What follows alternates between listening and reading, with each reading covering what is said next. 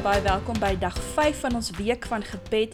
Ek hoop dat jy besig is om 'n verdieping in jou gebedslewe raak te sien en dat jy van hierdie gebedspraktyke of oefeninge sal aanhou om te gebruik en dalk so 'n bietjie aanpas vir jou daaglikse gebed. Vandag gesels ons oor Johannes 15 vers 15. Ek noem julle nie meer ondergeskiktes nie. Nee, ek noem julle vriende. En dit is Jesus wat daar praat. Dink jy net daarin dat Jesus, seun van God, vir jou sy vriend noem? Vandag se tema is ons bid saam. God smag na 'n verhouding met ons. Hy soek vir ons soos wat hy vir Adam gesoek het en vir hom geroep het in die tuin. Waar is jy? In Genesis 3 vers 9. In Christus ontmoet God ons. Jesus het in gebed geleef en was intiem verenig met sy Vader, terwyl hy besig was om vriendskappe met sy disippels en almal wat oor sy pad gekom het te bou. Hy het hulle voorgestel aan dit wat naaste aan sy hart gelê het, 'n liefdesverhouding met sy Vader, wie ook ons Vader is. Jesus en die disippels het saam psalms gesing, geloof en geprys. Ander kere het Jesus weggekeer om alleen te bid. Gebed kan alleen geskied of gedeel word met ander. Dit help ons om verskillende dinge uit te druk. Verwondering, klagtes, intrede, danksegging of sommer net stilte. Partykeer is die begeerte daar om te bid, maar dit voel nie of ons in staat is om dit te doen nie. Deur na Jesus te draai en te sê, "Leer my," kan vir ons help om op die regte spoor te kom.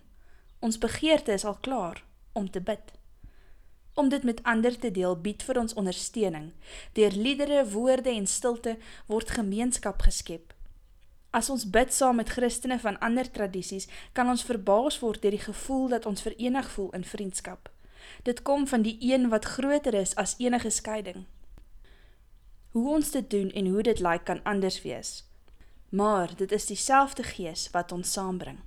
Ons draai dinge so bietjie op sy kop vandag en ek wil vir julle nooi om nou saam met my te bid, jou oë toe te maak te ontspan en die gees toe te laat om te gesels.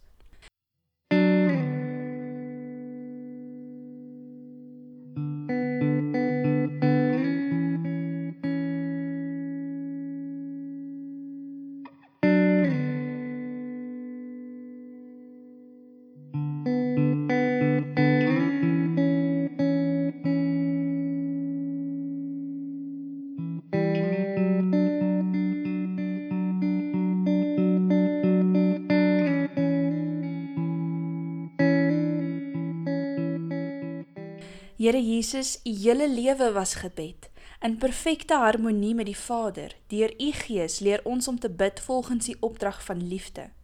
Mag die getroues van die hele wêreld verenig in voorbidding en lofprysing en mag u koninkryk van liefde kom. Amen. Vir vandag se gebedsaktiwiteit, sing 'n lied wat na in jou hart is en dra dit op na God. Indien jy saam met ander is, kan elkeen 'n lied kies en almal saam sing. Gebruik dit as 'n geleentheid om saam te bid deur musiek.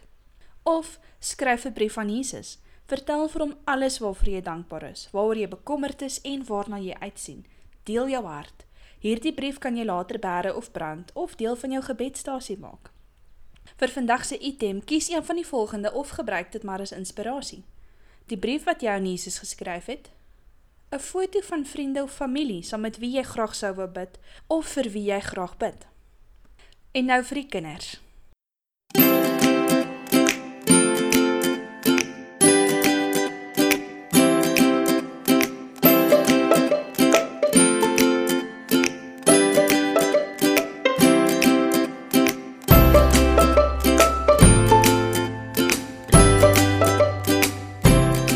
Vandag gaan ons leer hoe om 'n popcorn gebed te doen. Almal wat bid sit in 'n kring. Julle hou of hande vas of hou 'n vuis teen jou buur se vuis. Almal hou hul oë toe. Een persoon begin bid. Dis baie belangrik, maksimum net een sin. Daardie sin kan een woord wees soos dankie of 'n kodewoord wat net Jesus sal verstaan. Dis belangrik dat jou gebed nie te lank is nie, want jy moet fokus op die een ding wat jy graagste vir Jesus wil sê. Sodra jou gebed klaar is, druk jy jou buur se hand of gee vir hulle 'n fistbump sibbe en ouers kan saambid. Of skryf 'n brief aan Jesus. Sê vir hom al die dinge wat vir jou belangrik is, wat jou gelukkig maak, bekommerd maak, hartseer maak en opgewonde maak. Jy kan hierdie briefie wegsteek of gebruik vir jou gebedsstasie. Jesus is ons vriend en hy het altyd tyd om na ons te luister. Hy wil graag weet wat in ons lewens aangaan en dis vir hom lekker om daarna te luister. Ietsie om oor na te dink. Wat beteken dit dat Jesus jou vriend is? Wat is vir jou moeilik van gebed? Saam met wie bid jy graag? Baie baie dankie dat julle na vandag ingeskakel het. Ons gesels môre weer.